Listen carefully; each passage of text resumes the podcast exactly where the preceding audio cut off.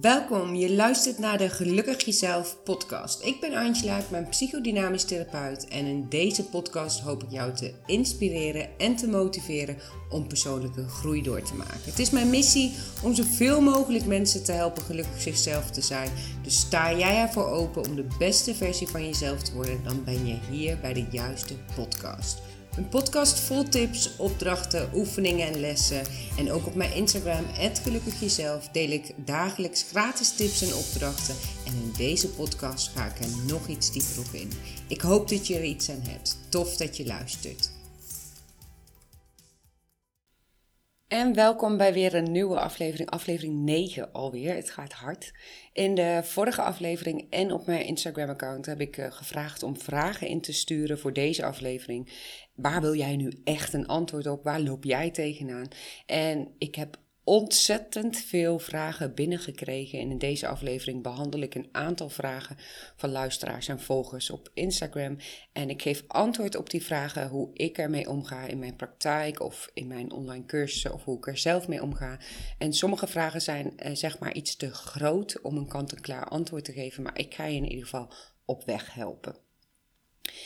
Een van de vragen die ik binnenkreeg, en dat vond ik een mooie vraag om mee te starten, is uh, hoe ga ik om met afscheid nemen? En ik weet niet precies over wat voor een soort afscheid deze vraag precies gaat. Dit kan over een relatie gaan, een vriendschap of een overleden persoon, maar in alle gevallen geldt, geef jezelf de ruimte. Als je iemand verliest, of het nu aan de dood is of, of niet, is het belangrijk om te rouwen. Rouwen is iets wat vaak heel erg wordt onderschat en dat is wel logisch, want we zijn over het algemeen allemaal best wel streng naar onszelf en vinden dat we op een bepaald moment wel ermee klaar moeten zijn. Maar rouwen kent geen tijd en er is geen tijd waarin je het rouwproces moet voldoen. Het is geen tijd dat je klaar moet zijn.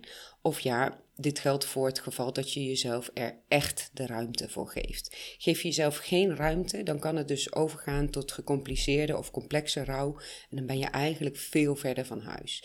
En als je last hebt van gecompliceerde rouw, kan je je eigenlijk over het algemeen in je leven maar moeilijk aanpassen in het leven zonder die persoon, vooral na langere tijd. En je kunt heel veel stress ervaren, heel veel angst ervaren.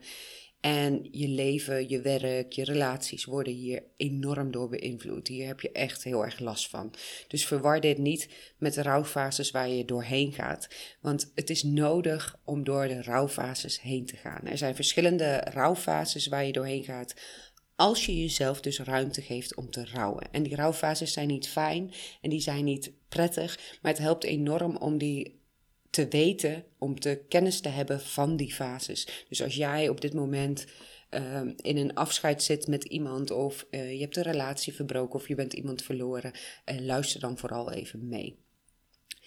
Deze rouwfases hebben geen tijdspad, zoals ik straks al zei. Er is geen tijdsbestek waarin je klaar moet zijn. Dus het is niet zo, je gaat de eerste twee maanden door de ene fase heen en dan een maand door de andere fase. Het is echt belangrijk om ze allemaal te doorleven, want dan kun je ook helen en dan kun je het ook een plekje geven. Daarnaast is het dus enorm helpend als je de rouwfases kent. En dat is mijn ervaring ook in mijn praktijk, om welk soort verlies het ook gaat. Het biedt hoop en duidelijkheid. Dus ik ga ze even kort voor je benoemen. En deze rouwfases kan je dus eigenlijk op ieder soort verlies plakken, om het zo maar te zeggen. Vaak komt er als eerste een fase van ontkenning. Dat je maar niet kan geloven of begrijpen dat deze persoon uit je leven is. En vaak ook hoe dat is gegaan, hoe die persoon uit je leven is gegaan. Het verlies dringt in deze fase vaak nog niet echt volledig tot je door. Een tweede fase, nogmaals, dat hoeft niet opeenvolgend te zijn, is boosheid. Boos dat je die persoon kwijt bent, misschien wel boos op die persoon, of boos op de ziekte, boos op doktoren, boos op wat dan ook, je bent boos. En ook al lijkt dit op een fase, of ook al lijkt dit een fase die je liever geen ruimte geeft, het is echt ook een belangrijke fase om ruimte te geven. Dus het is helemaal niet gek als je boos bent. De volgende fase, nogmaals, het hoeft niet in volgorde, is onderhandelen. En met onderhandelen bedoel ik uh, jezelf doelen stellen. Tegen jezelf dingen zeggen als. Uh, als ik dat had gedaan, dan. Als de dokter dit had gedaan, dan. Of uh, ja, eigenlijk een soort van onderhandelingspositie. Er komt een soort kracht bij je vrij waarin je doelen stelt. Of waarin je kijkt hoe het anders zou kunnen. En eigenlijk waarin je bijna misschien wel zoekt naar hoe het teruggedraaid zou kunnen worden. De volgende fase is depressie. En dit is niet, ja, dit is niet een depressie zoals je die kent als je hoort dat iemand depressief is. Dus niet te verwarren met een echte depressie.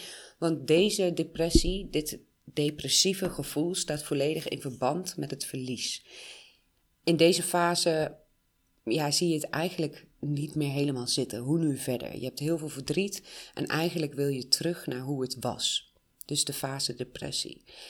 En de laatste fase, en ook in die fase kun je ook tussendoor wel eens komen, is de aanvaardingsfase. De fase waarin je het verlies een plekje geeft. Je leert het een plekje te geven en een weg te vinden in jouw eigenlijk nieuwe leven zonder deze persoon. Of dat nou een relatie, een vriendschap of uh, een overleden persoon is.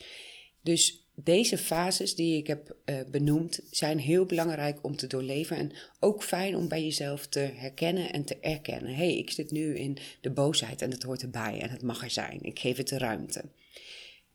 Op het moment dat jij de ruimte geeft aan jouw rouwen, aan de fases, zul je ook merken dat het uh, ja, voor opluchting zorgt en dat, dat je ook veel uh, nou ja, sneller, hè, en ik wil nogmaals zeggen, er is geen snelheid nodig, maar sneller in die aanvaardingsfase zit.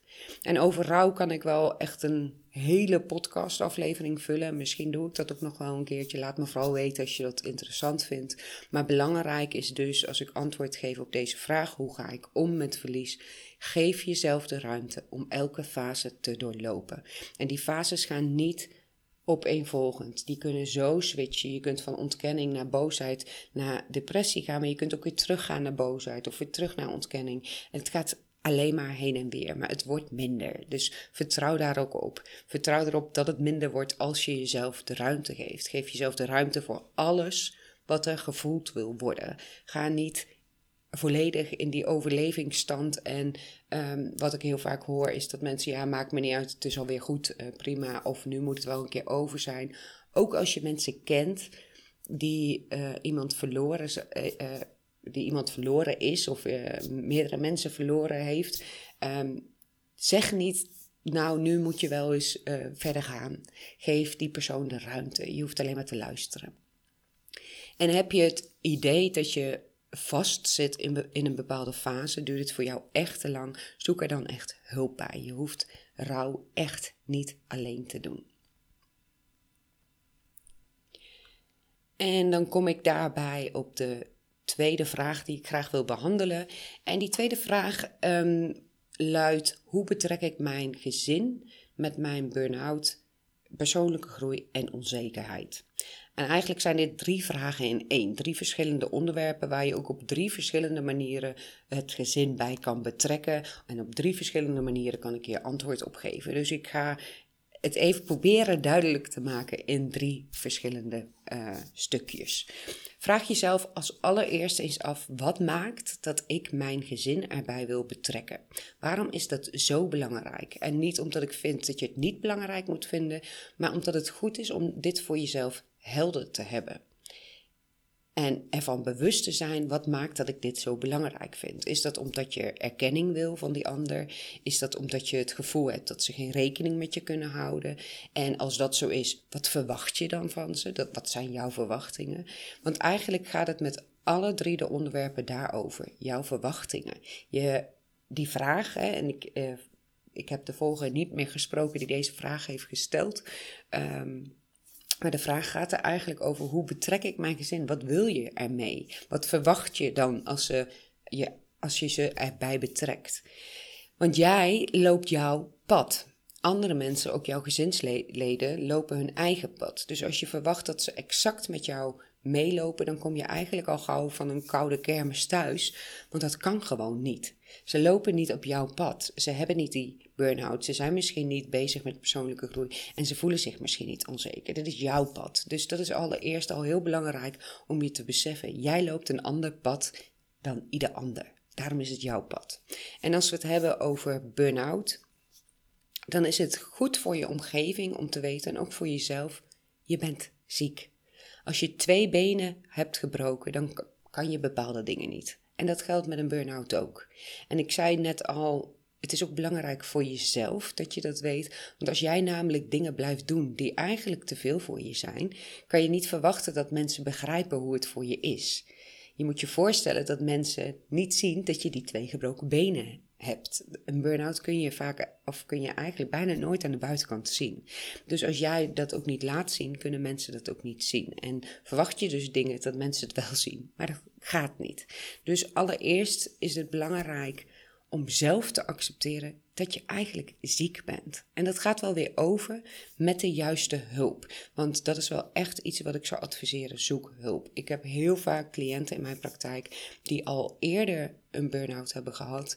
En dat zonder hulp. Ehm, ja, hebben gedaan, zeg maar. Dus zonder hulp weer uh, terug in het leven zijn gegaan, terug aan het werk zijn gegaan. En um, daarbij is er altijd iets onderliggends wat niet opgelost is. Dus zoek hulp. In mijn praktijk, als ik het heb over burn-out, werk ik vooral eerst aan de energie. Ik ga dus geen therapeutische sessies als, als in bijvoorbeeld systemisch werk of uh, delenwerk of regressie of hypno doen. Want dat is eigenlijk niet mogelijk als je zo laag in je energie zit. Dus als er voldoende energie is, dan ga ik pas aan de slag met dat wat eronder zit. Dat wat ervoor zorgde dat je een burn-out kreeg. Het is dus belangrijk om je energie te bewaren en daarvoor is het dus ook belangrijk dat je je aanpast aan wat nodig is om te herstellen.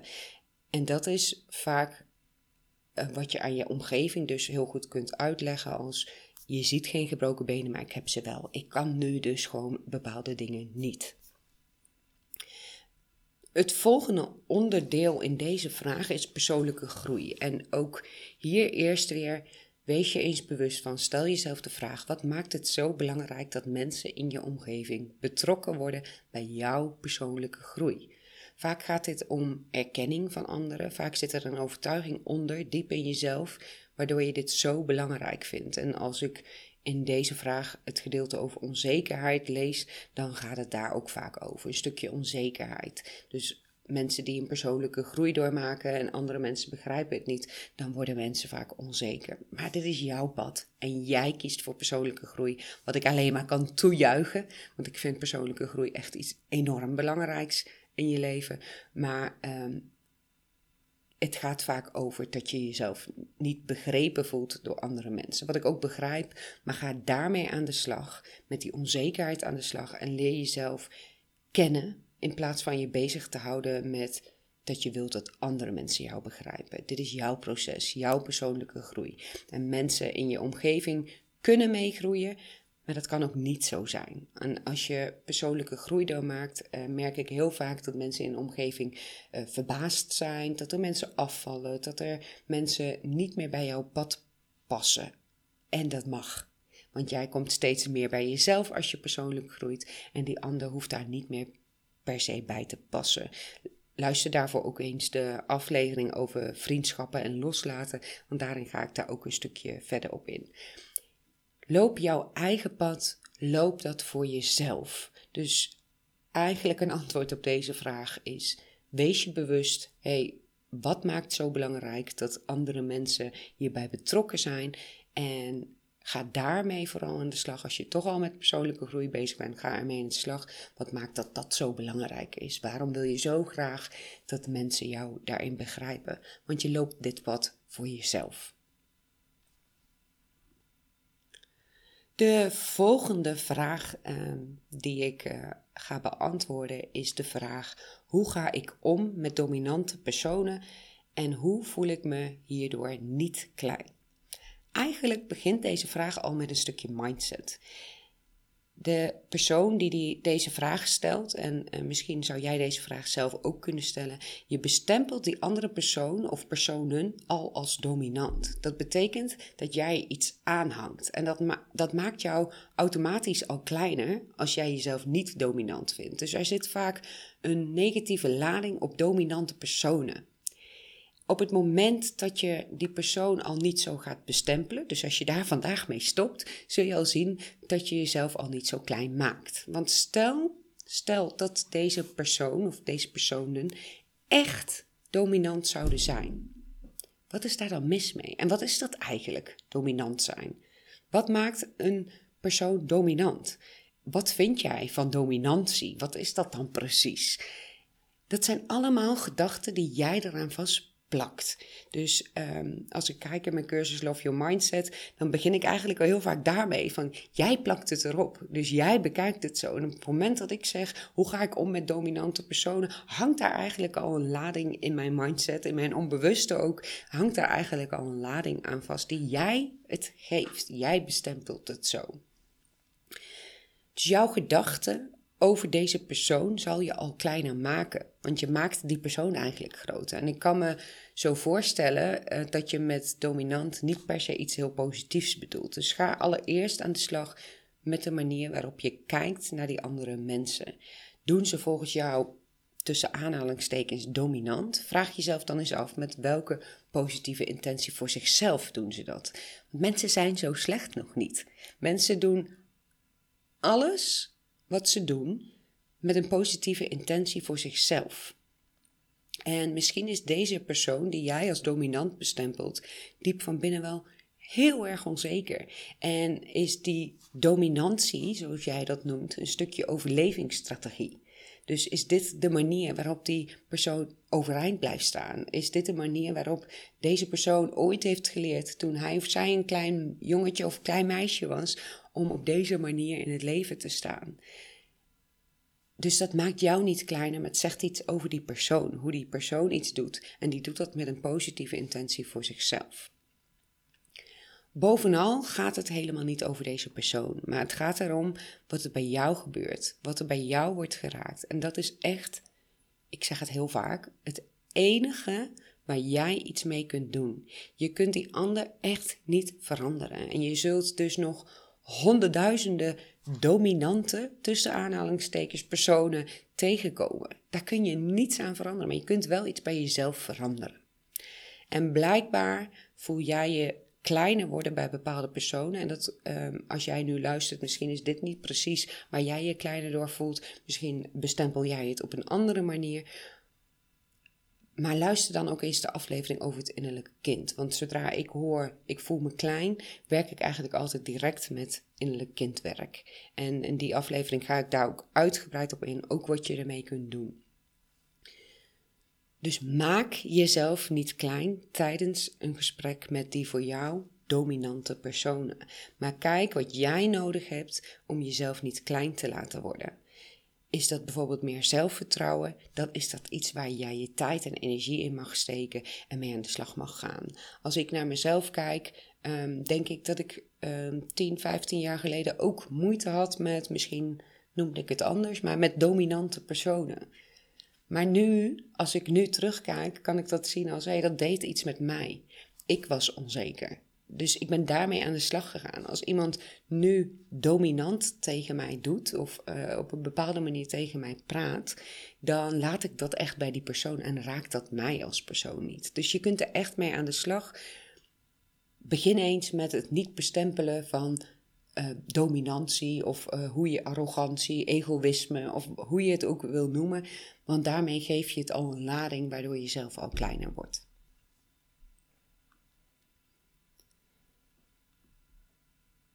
De volgende vraag.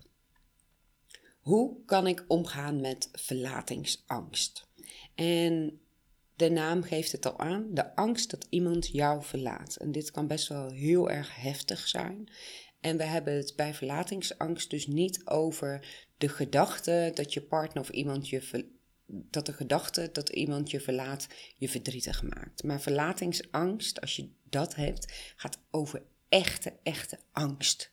Je maakt je heel veel zorgen, continu. Je piekert heel veel. Terwijl je ergens misschien ook wel weet dat het niet nodig is, maar je kunt het niet onder controle houden. Dus als ik het over verlatingsangst heb, dan is dat echte, echte angst. Is dat niet, oh, ik moet er niet aan denken dat mijn vriend me verlaat. Als deze vraag gaat over verlatingsangst in een relatie, dan is mijn eerste tip deel. Deel dit echt. Stel je kwetsbaar op en vertel wat er bij jou gebeurt, zodat die ander dat ook weet.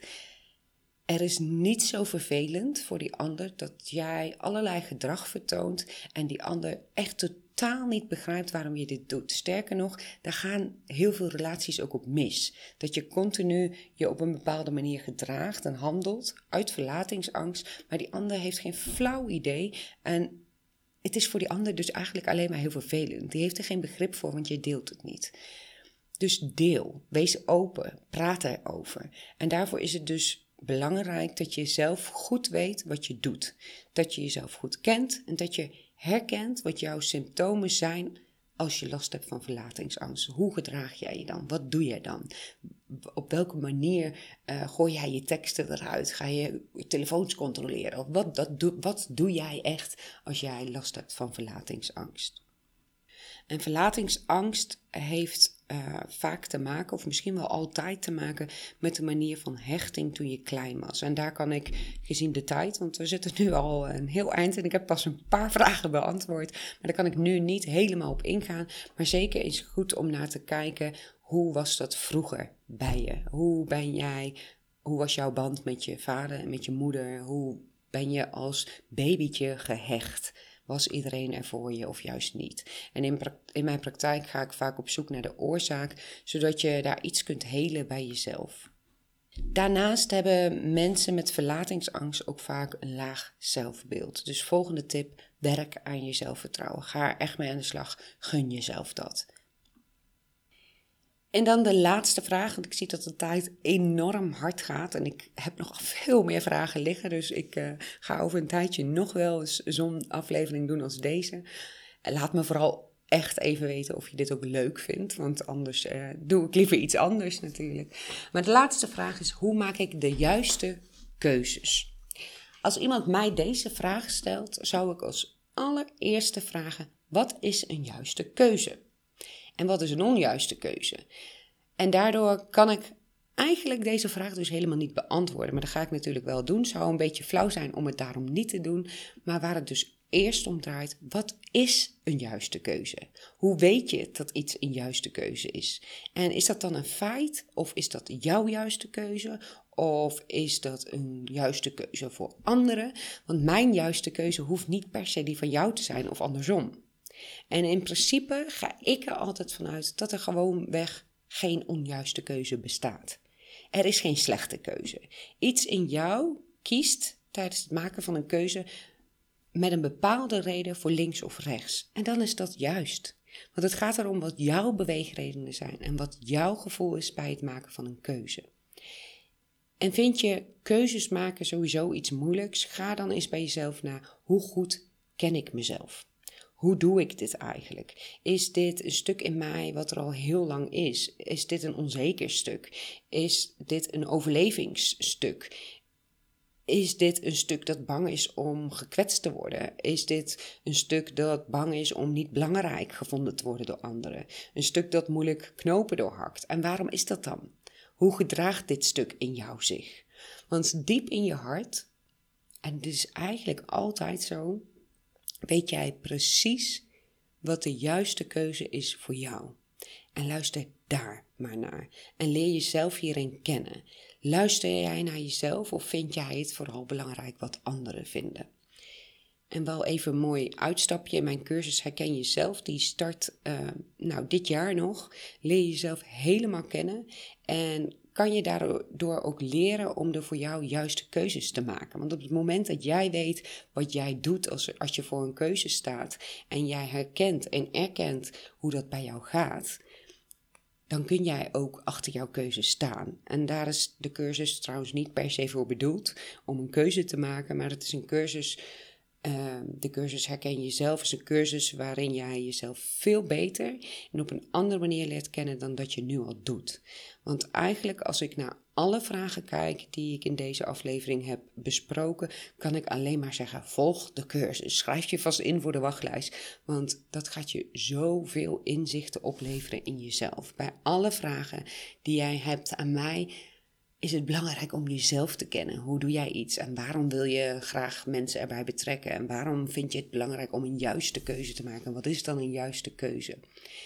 Zoals je bij iedere vraag die ik beantwoord misschien wel merkt, ik zorg altijd eerst voor bewustwording. Bewustwording is zo belangrijk. Als jij je niet ergens bewust van bent, bijvoorbeeld bij deze vraag wat een juiste keuze dan precies is, dan kun je ook niets veranderen.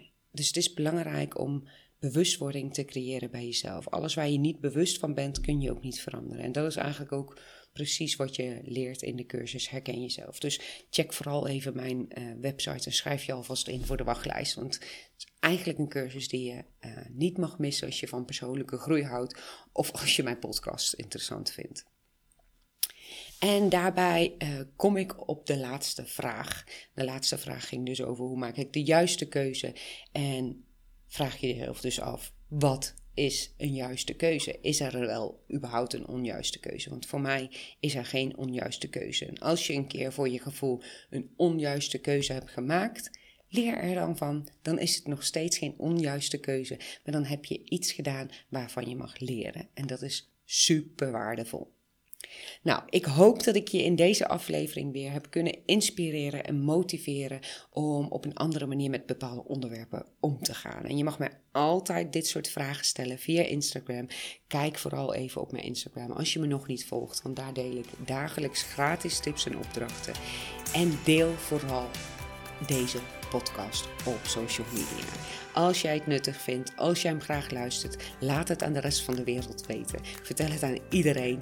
En ik vind het sowieso super tof om te zien en te horen dat je hem luistert en wat je ervan vond. Dus heb jij een vraag in deze aflevering die voor jou echt enorm helpend was? Laat het eens weten aan iedereen die het maar wil horen. Tag dan even het gelukkig jezelf, zodat ik het ook kan zien. En voor nu, dank je wel voor het luisteren. Ik vond het super tof dat je er weer bij was. En ik hopelijk zie ik je weer terug bij mijn volgende aflevering.